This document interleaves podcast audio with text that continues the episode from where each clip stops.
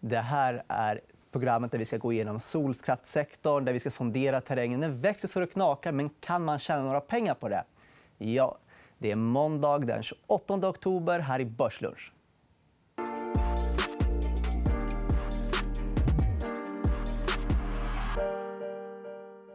Stockholmsbörsen handlas kring nollan. Vi ska gå igenom solkraftssektorn med dig, Patrik Lindqvist. Varmt välkommen. Tack. Men innan vi gör det så har NCC släppt en rapport och vi har skickat iväg Albin, min kollega, som intervjuat vd. Jag skulle sammanfatta det som ett bra kvartal där vi underliggande höjer resultatet med 24% Vi har bra orderingång, vi har en stabil orderstock och vi har bra intäkter. Eh, när vi träffades i somras hade jag fått en tittarfråga som var lite orolig över kassaflödet. Men det verkar ju gå åt rätt håll, även om ni påverkas lite av IFRS. Va? Kassaflödet går åt rätt håll. Eh, och framförallt om man tittar på rullande 12 så har vi nästan 2,3 miljarder i positivt kassaflöde eh, men, från verksamheten. Men sen investerar vi också i våra fastighetsprojekt. Men det är ju någonting som kommer att ge ett, mm, effekt, kommer att ge ett resultat på, på en tid. Ehm, du nämner också att du i vd-ordet att konjunkturen känns hyfsat stabil ändå. Ser likadant ut på alla era marknader eller märker du några skillnader? Det finns naturligtvis lokala skillnader, men eh, det som är viktigt att komma ihåg, vi följer naturligtvis en massa olika indikatorer på vad konjunkturen håller på att ta vägen och, och vi följer den generella diskussionen. Men från vår data och från vad vi har för orderingång och vad vi får för eh, kundkontakter så kan vi inte se någonting annat än att det är en god efterfrågan på våra tjänster och produkter. Ja, NCC kanske också installerar solpaneler. Vad vet jag? Eh, kanske en framtida sektor där, eller? Ja, varför inte? Eh, men nu ska vi ändå prata om eh, solkraftssektorn, solpaneler hur många gånger har man inte hört om att det blir bara billigare och billigare och billigare? Mm. Stämmer det här? Ja, det gör det. Alltså, det som gör egentligen det här intressant tycker jag, det är ju att vi ser att kostnadsutvecklingen går så otroligt snabbt. Mm. Och det är inte så att eh, det på något sätt avtar i kraft. Jag, tror vi, jag tog med en bild som vi kanske kan visa. Jag har en graf bara. Just, uh...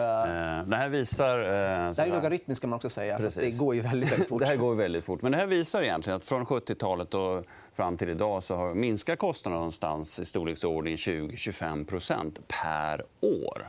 Och det som är lite kul är om man tittar de sista åren, här, 16 mhm. och 17 det är inte så att de åren att de på något sätt eh, minskar takten utan det, det håller det här tempot hela tiden. Och nu ser vi liksom att redan idag är faktiskt solkraft konkurrenskraftigt med att bygga gas, med att bygga kolkraftverk och även vind. Och det är lite spännande. Men vi har en jätteintressant fråga på just det som jag också tänkt på mm. från Ljungkulle som eh, frågar det blir billigare och billigare med mm. solkraftspaneler och så vidare. Men eh, gör de mindre vinst på det, de här bolagen som håller på med det? Eller tjänar man mindre pengar på det i den här sektorn? Det är väldigt alltså det är inte så att uh, volym eller att det blir lägre kostnader att det innebär att man tjänar mer eller mindre pengar. Utan det är väldigt, väldigt beroende på var man agerar någonstans i värdekedjan. Mm. Och det tror jag liksom är det centrala. Att tänka efter. Var någonstans vill man spela? I... Så det finns inget så enkelt samband som att nu blir det billigare nej. med solpaneler. Nu kommer sektorn att tjäna mer pengar. och Det är inte nej. heller. Nej, nej, nej. Utan det är väldigt beroende på... Här gäller det som investerare att vara väldigt, väldigt noggrann och fundera var vill jag spela någonstans. Men en jätteintressant grej som vi pratade lite om tidigare är att mm. Eh, det här växer, den här sektorn växer ju hur mycket som helst. Mm. Eh, och man har även prognoser för hur den ska mm. växa. Men du har en graf som visar ja. att de står i sina prognoser hela tiden. Ja, och det här, här visar till exempel eh, prognoserna från Bloomberg New Energy Finance som är rätt duktiga på det här. Eh, och den röda linjen är egentligen utfallen och eh, eh, prognoser, de senaste prognoserna. kan man säga. Och överlag vad bilden försöker visa är att verkligheten överträffar prognoserna. Det här sker i sol, men det är faktiskt intressant att det finns även på vindsidan. Det sker på batterikostnader och så där. Men överlag kan man tänka sig att volymerna de, de spöar oftast prognoserna hittills i alla fall. Så du är överlag väldigt, väldigt positiv till den här sektorn. Ja, jag är positiv till sektorn. Det är det absolut. Det här är en av de större betten jag har i, i min fond mm. just nu. Och eh, det finns även fler som är positiva till eh, den här sektorn. Vi har en intervju med Helena Haraldsson som mm. också är väldigt positiv, precis som du. Okay. Och en sån som vi har identifierat som är otroligt spännande är faktiskt investeringar i energi. Och det är faktiskt nästan en ostoppbar trend. Därför att vi kan se idag hur elkonsumtionen i mm. världen den kommer bara öka mycket starkare än tillväxten, vilket är det normala. Då kan man säga, varför det? Jo, vi ser hur transportsektorn elektrifieras. Vi ser hur hela samhället digitaliseras. Vi ser också vi ser globalt att mer av både uppvärmning och kylning av bostäder beroende på var man bor sker mer med el. Om man har det, ökad elkonsumtion och så har vi samtidigt då på den internationella arenan vi ska ha klimat och miljömål. Vad måste man göra? Man måste ställa om produktionen. Och det intressanta är att det här har börjat hända. Vi står inför en rad ekonomiska och brytpunkter i kostnadsutvecklingen. Så det är ekonomi som driver, det är inte politiker. Det är trevligt ur investeringsperspektiv. Så summerar man så är det väldigt, väldigt positivt för sektorn. Men hur ska man tjäna pengar? Ja, där tror jag som sagt, som var lite inne på tidigare, att man måste tänka lite grann på var vill man spela i värdekedjan. Jag tog med ett litet exempel på... Vi, vi går till den här. Ja. Det här väldigt enkelt illustrerar värdekedjan inom eh, solindustrin. Och bara för att det är stora volymer så innebär det inte att man tjänar pengar på alla ställena här. Om vi, vi hoppar på glas då, direkt. Precis. Titta längst bak. Längst bak pratar vi om att göra solglas till glaspanelerna. Då kan vi titta på nästa bild. Det visar prisutvecklingen på den typen av produkter. Ja, det är klart det svänger lite grann, men överlag om vi tittar på den orange och den blå linjen som visar bearbetat glas så är det överlag hyggligt stabilt. Här går det att tjäna pengar. Här, är det, här vill vi spela. Och det är där ni spelar också? Ja, där är vi med. Eh, om vi går tillbaka till den värdekedjan och så tittar vi liksom lite i mitten där. Där eh, samma volymer, men där är det betydligt knepigare att tjäna pengar. Och varför det? då? Jo, det är mycket mer en commodity. Och om vi går till nästa bild så visar bara ett exempel på priset på solpaneler. Eh, Eh, det här är kiselpaneler hur de brakar ihop. Och det här är det väldigt, väldigt svårt att tjäna pengar. Här investerar vi ytterst selektivt i bolag som möjligtvis har då någon form av differentierande möjlighet. Men ni gör ändå de investeringarna, även ja. ni är väldigt selektiva? Ja, väldigt selektivt. Och också lite beroende på hur den totala volymutvecklingen ser ut för tillfället. Vad är det ni letar efter i de bolagen? Eh, egentligen en teknologi som är eh, differentierande. Eh, starka balansräkningar, bra kassaflöden. Det är traditionella analysgrejer, men också det här att man ser att den teknologin är differentierad jämfört med en standardiserad CISEL-cell eller något sånt där.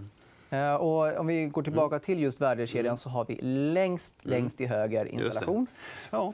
Och det här är spännande. för Då pratar vi om att bygga solparker men även då ännu längre ut skulle man kunna säga, att driva solparker. Och där eh, finns det då eh, ett par riktigt spännande bolag. Faktiskt ett eh, kinesiskt bolag som heter Shinji Solar som vi äger i fonden. De är alltså aktiva längst bak. De är världsledande på att göra glas. Installation? Ja, glas. Till glas. Alltså. Glas, glas ja, ja, är fram kan vi säga. Då. Så de är störst i världen på att göra glas till solpaneler. Eh, väldigt lönsamma, eh, tar det kassaflödet och investerar det sen i slutet av värdekedjan, det vill säga i solparker. Och en bra eh, aktiekursutveckling? Ja, absolut. Och den har gått bra. Och eh, jag tror fortfarande att det finns... Eh, det här är inte så att det här är till knasiga multiplar. Och sånt där, utan, Vad är multiplarna ungefär? Jag har inte i huvudet just nu. Men, men ändå Nej, men alltså, det, är inte, det är inte så att det här är en, en aktie som är värderad helt tokigt i min Så fortsatt uppsida för eh, ja, jag tycker, jag tycker fortfarande det finns lite uppsida i den aktien. Sen kan man även titta på deras eh, dotterbolag Chingy Energy som bara äger och driver solparker. Det är en annan typ av investering. Då handlar det om långa kontrakt, utdelning över tid, lite mer stabila. Men så vi är tydliga, Shinny Solar i den här värdekedjan, det var ju glas. Alltså... Det är glas och bygga solparker. Okej, okay, så det är båda delar. Så att de är, om vi får tillbaka bilden på värdekedjan mm. så kan vi bara nämna att eh, det är alltså den som är längst till vänster är Shinny Solar yes. och längst till höger. Precis. De tar cashflow från det som gör längst till vänster och stoppar in det i kedjan längst till höger. Och det är de två delarna där jag tycker är väldigt spännande. Så man får två i ett i det bolaget? Ja, så. Ja, men det låter ju hur intressant som helst. Mm. Kinesiskt bolag och listat ja, i... Kinesiskt bolag listat i Hongkong. Just i Hongkong. Det är där mm. man köper mm. aktien. Eh, vi har också fått in lite tittarfrågor för eh, olika bolag. Mm. Okay. Eh, vi har en tittarfråga, eller ett önskemål mm. där man vill att vi snackar lite First Solar, som du har i portföljen. Just det, det stämmer. Och det, det är väl ett exempel på ett sånt bolag som fin, befinner sig faktiskt mitt i, där i det området. Och de har då sen, bygger på tunnfilmsteknik som är väldigt, väldigt effektivt. Passar väldigt, väldigt bra för vissa typer av såna här storskaliga solparker. Eh, man har väldigt starka kassaflöden, stark balansräkning. Man har en, eh, eh ska säga, en orderbok som är full fram till 2022 i princip. Eh, när du säger starka kassaflöden så ska man inte titta på de senaste kvartalen för nu investerar man väldigt, väldigt mycket och byter teknologi. Men det här är ett bolag som jag tycker kan differentiera sig inom att göra solpaneler. Så därför så tror jag det är bra. Aktien fick lite pisk efter rapporten som faktiskt var ganska bra eh, underliggande. Det är egentligen eh, saker och ting som eh, går åt rätt håll när det gäller de nya panelerna och orderintaget. Är det ett köpläge då? Eh, jag tycker det här är intressant. Eh, men som jag kommer tillbaka till, när det gäller den här, att investera i den här typen av tillgångar så är det, det här är ett volatilt område. Jag tycker inte man ska gå in och investera i en sak eller en aktie eller bara ett tema.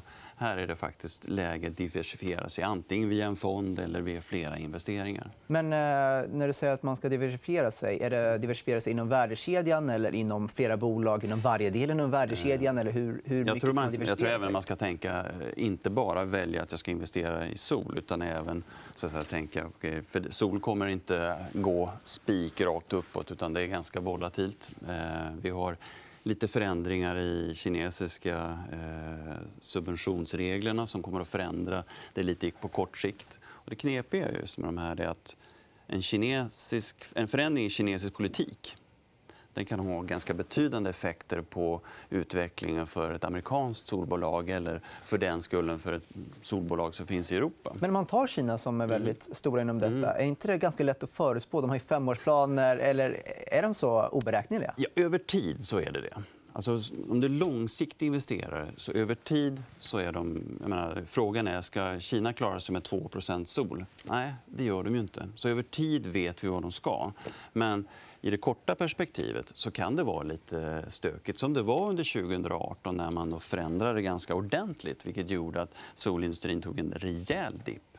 Så att, långsiktighet men också att man diversifierar sig och inte bara satsar på en häst. kan det vara en industri utan man liksom även tänker lite grann i andra vertikaler. Men eh, om man nu ändå köper bolag och äh, diversifierar sig mm.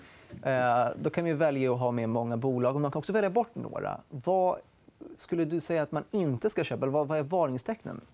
Jag brukar tänka hjärta och plånbok lite grann när jag investerar. Det ena är att ja, vi jobbar bara med investeringar som är bra för klimatet, eh, som minskar klimatpåverkan. Men också det att det ska finnas, att det ska kunna i grunden vara lönsamma investeringar. Det vill säga drivkraften inte bara för att alla vill, utan även för att det de facto är lönsamt. Det behöver inte vara det precis här och nu. Men hur vet man att det blir det i framtiden? Alla säger väl att det ska bli lönsamt i framtiden? Ja, och där gäller det och, kunna gräva lite djupare i teknologierna och se lite grann. Har de en trovärdig eh, ska säga, väg till det? Och den andra grejen som jag brukar använda också det är att titta lite grann på om man stoppar pennan. Om det är någon som har stoppat pennan till pappret.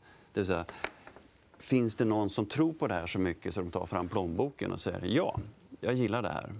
Det tycker jag också är en väldigt viktig faktor. Inte bara det här att jag har en cool idé, det kommer säkert bli skitbra utan i slutändan faktiskt någon som har tittat och tror på det så mycket så de röstar med plånboken. Men det, dels det och sen så tekniken som du sa. Var det därför du gillar First Solar till exempel? Ja, det är tekniken framför Tekniken och bevisligen så har de en orderbok som är full så det är någon som gillar grejerna. ja, men det, det, är, en bra grej. Då. Orderboken och tekniken. Och då måste man väl kanske gå igenom ganska mycket i tekniken mm. tills Ja, jo, Eller ska man diversifiera sig? Ja, precis. Jag tycker det, det kan vara som småsparare vara inne i det. Vi har också en, eh, ett önskemål från Twitter om att ta upp eh, Scatec. Just det. Ja. Scatec Solar. Scatec är ett väldigt intressant bolag. Det är lite grann som ett Millicom i solindustrin. Millicom i sol... Nu måste du motivera. Jo. Nej, men så här. Eh, Scatec, eh, norskt bolag. Eh, vad man gör är att man bygger och driver solparker i eh, emerging markets. Eh, med då en eh, ska säga, väldigt eh, bra ska säga, eh, governance-struktur i bolaget.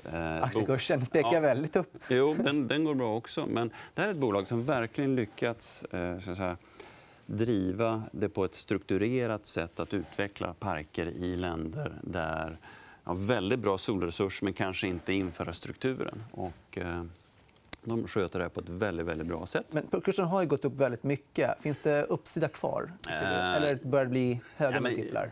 Jag tycker så här att nu börjar det kanske vara... Det är inte, det är inte 50% uppsida härifrån kanske. Men det här är ett bolag som över tid kommer fortsätta att leverera. Man har utvecklat en väldigt spännande produkt nu där det handlar egentligen om att installera solparker med lite kortsiktigare kontrakt. I princip att jag smäller upp en, solpark, en liten solpark istället för att du köper tio dieselgeneratorer. Det är en ganska bra bett om du har mycket sol och eh, svårt att få tag i diesel. Du nämnde själv hur viktigt det är med orderboken. Hur ser orderboken ut för dem? Orderboken där är väldigt bra. De har en stark pipeline. Eh, och det som är spännande och det som kan bli lite intressant är just utvecklingen för de här nya produkterna vad som händer där. Det här var ju superintressant. Stort tack för att du var med oss, Patrik Lindqvist. Och, eh, det var det om solkraft här i Börslunch. Vi är tillbaka imorgon igen 11.45. Missa inte oss då. Tack så mycket.